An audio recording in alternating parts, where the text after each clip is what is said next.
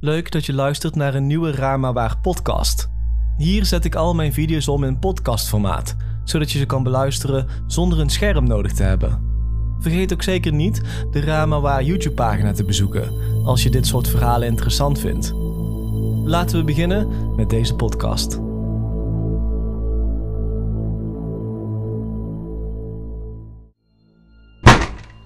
Alsjeblieft, laat me binnen. Het is koud.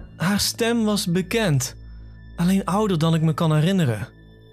Heel gedetailleerd. Lana, alsjeblieft. Mijn oude bijnaam gebruiken was ook een leuke touch. Ik zat op de vloer naast de deur, mijn armen om mijn benen heen geslagen. Natuurlijk moest dit net gebeuren in die ene week dat mijn ouders me alleen lieten. Ze waren al jaren niet op vakantie geweest en ik smeekte ze bijna om even weg te gaan, voor hun eigen bestwil. Als ik ze belde, zouden ze meteen terugkomen, maar ik denk niet dat dat me zou hebben geholpen. Bovendien was ik geen idioot. Ik hoorde de ene klop en wist dat ik niet open moest doen. Wanneer iemand naar je huis komt, zal deze gewoon aanbellen of een paar keer kloppen. De meeste mensen spelen het op safe en kloppen überhaupt niet en gebruiken gewoon alleen de bel. En dan doe je de deur gewoon normaal open. Maar nooit, absoluut nooit, mag je de deur openen als er maar één keer wordt geklopt. Het was het allereerste wat ons werd verteld toen we al die jaren geleden naar deze buurt verhuisden. Er zijn een heleboel geruchten over mensen die verdwijnen of plotseling sterven nadat ze hun deur hebben geopend. Hoewel ze allemaal zogenaamd gebeurden voordat we hier zelf woonden. Ik had dit zelf nooit geloofd, zelfs niet toen ik klein was. Dit stadje was nou gewoon eenmaal gek. De meeste mensen hier waren een beetje excentriek en ongewoon. Nou ja, dat geloofde ik allemaal tenminste, tot ik mijn vermiste zusje hoorde roepen, na die ene harde klop op onze voordeur. Ga alsjeblieft weg, fluisterde ik. Zelfs na al die jaren herkende ik nog haar stem. Toen ik het hoorde, sprong ik meteen op, klaar om die deur wijd open te gooien. Maar ik wist dat zij het niet was. Ik had namelijk door het raam gekeken en er stond niemand voor onze deur. Ik weet niet hoeveel tijd er was verstreken voordat ik uiteindelijk mijn telefoon pakte en Max belde, die niet alleen onze buurjongen, maar ook een van mijn beste vrienden is. Ze is hier, zei ik. Ik besefte me meteen dat dat niet zoveel zei voor Max, maar, maar ik wist niet hoe ik mijn gedachten moest verwoorden. Wie? Waar? antwoordde hij. Ruby. Toen was er een stilte. Wat? Max begon te praten, maar stopte. Ze klopte, zei ik. Dat was genoeg informatie voor hem. Je hebt niet open gedaan, toch? Ik schudde mijn hoofd, wat hij natuurlijk ook niet kon zien. Ik kom nu naar je toe, oké? Ik weet niet zeker hoeveel minuten er verstreken waren, maar Ruby was gestopt met vragen of ik de deur wilde openen. Toen ik opeens de stem van Max hoorde. Hey Lana, ik denk dat de bellen niet doet. Hoorde ik Max plots zeggen aan de andere kant van de deur. Misschien heeft ze ermee geknoeid of zo. Ik slikte. Je zou kunnen kloppen, riep ik terug.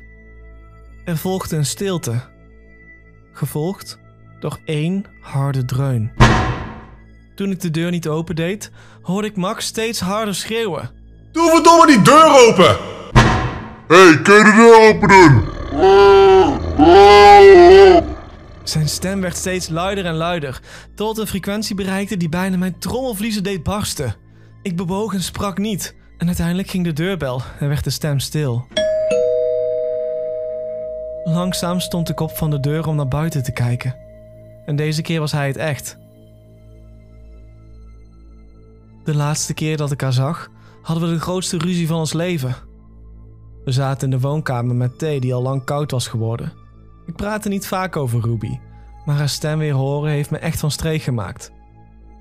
En dat allemaal vanwege die stomme Jack, rolde ik met mijn ogen. Max moest glimlachen. Een jongen, zei hij terwijl hij schuin naar me keek. Ik schudde mijn hoofd en lachte. Jack was een knuffel in de vorm van een pompoen. Ik had Max nooit over de ruzie verteld. In feite wisten alleen mijn ouders ervan. Ik hield van dat ding, gewonnen op een Halloween-carnaval. En toen Ruby het zag, smeekte ze me om het aan haar te geven. Ze huilde urenlang omdat zij het niet had gewonnen. En zelfs toen mijn ouders zeiden dat ze voor haar een ander speeltje zouden kopen, hield ze niet op. Ze wilde gewoon die van mij. Nou, ze wilde gewoon zijn zoals jij. Dat is best wel lief, zei Max. Ik knikte. Ruby was een paar jaar jonger dan ik, maar ze deed alsof we tweelingen waren. Ze droeg mijn kleding, zat op dezelfde sporten en wilde altijd bij mij en mijn vrienden rondhangen. Als ik er nu aan denk, vind ik het schattig, maar toen vond ik het echt ondraaglijk. Dagenlang nam ik Jack overal mee naartoe, zelfs naar de badkamer. Het was misschien gewoon uit kleinzerigheid, maar dat speeltje werd alles voor me. Dus toen ik op een middag uit school kwam en zag dat Ruby het door midden had gesneden, schreeuwde ik tegen haar alsof de wereld vergaan was. Ze keek me toen alleen maar aan met grote tranende ogen. Max legde zijn hand op mijn schouder. Kom op, Lana. Broers en zussen vechten, dat is normaal. Ik heb je met haar gezien en je was een verdomd goede grote zus, hoor. Ik knikte.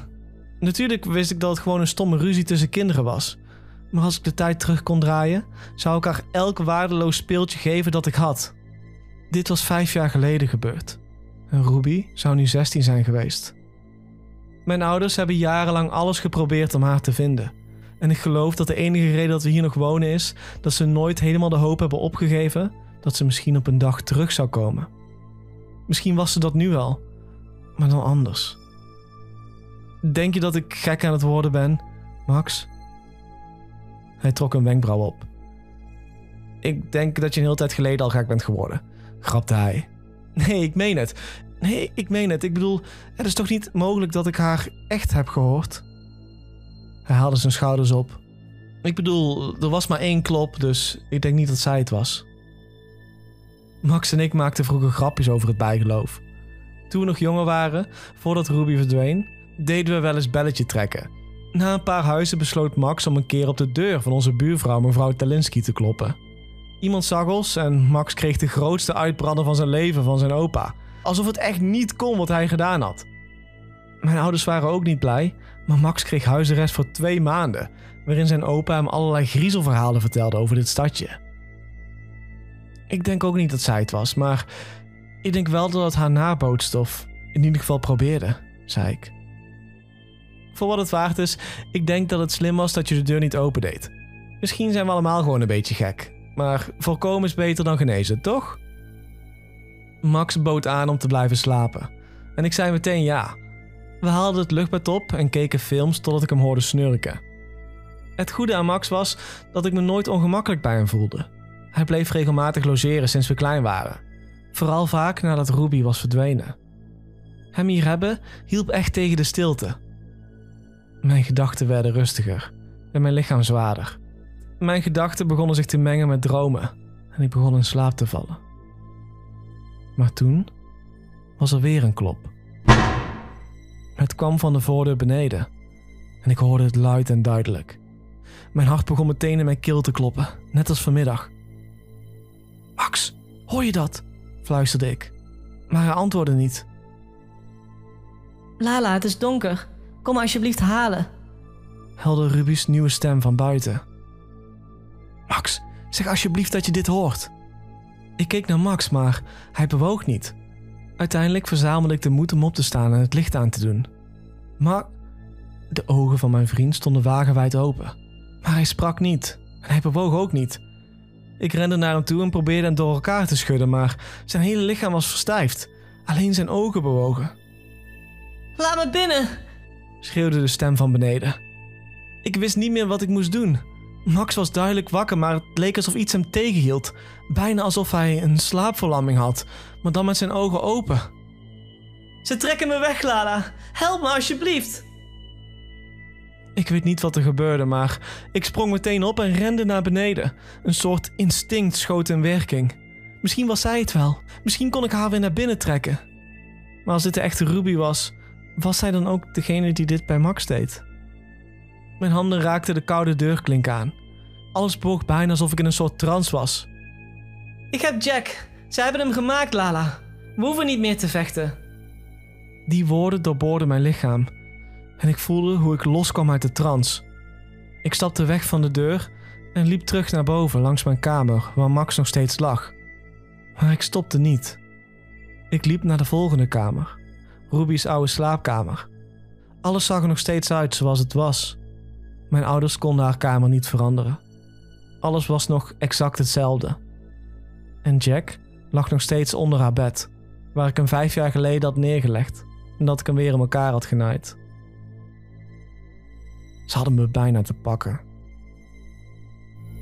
Bedankt voor het luisteren naar deze podcast. Heb je zelf ooit eens eens iets meegemaakt? Laat het me dan weten via mijn Twitter of Instagram. Mijn naam daar is Marcello1. Nogmaals bedankt voor het luisteren en tot de volgende keer.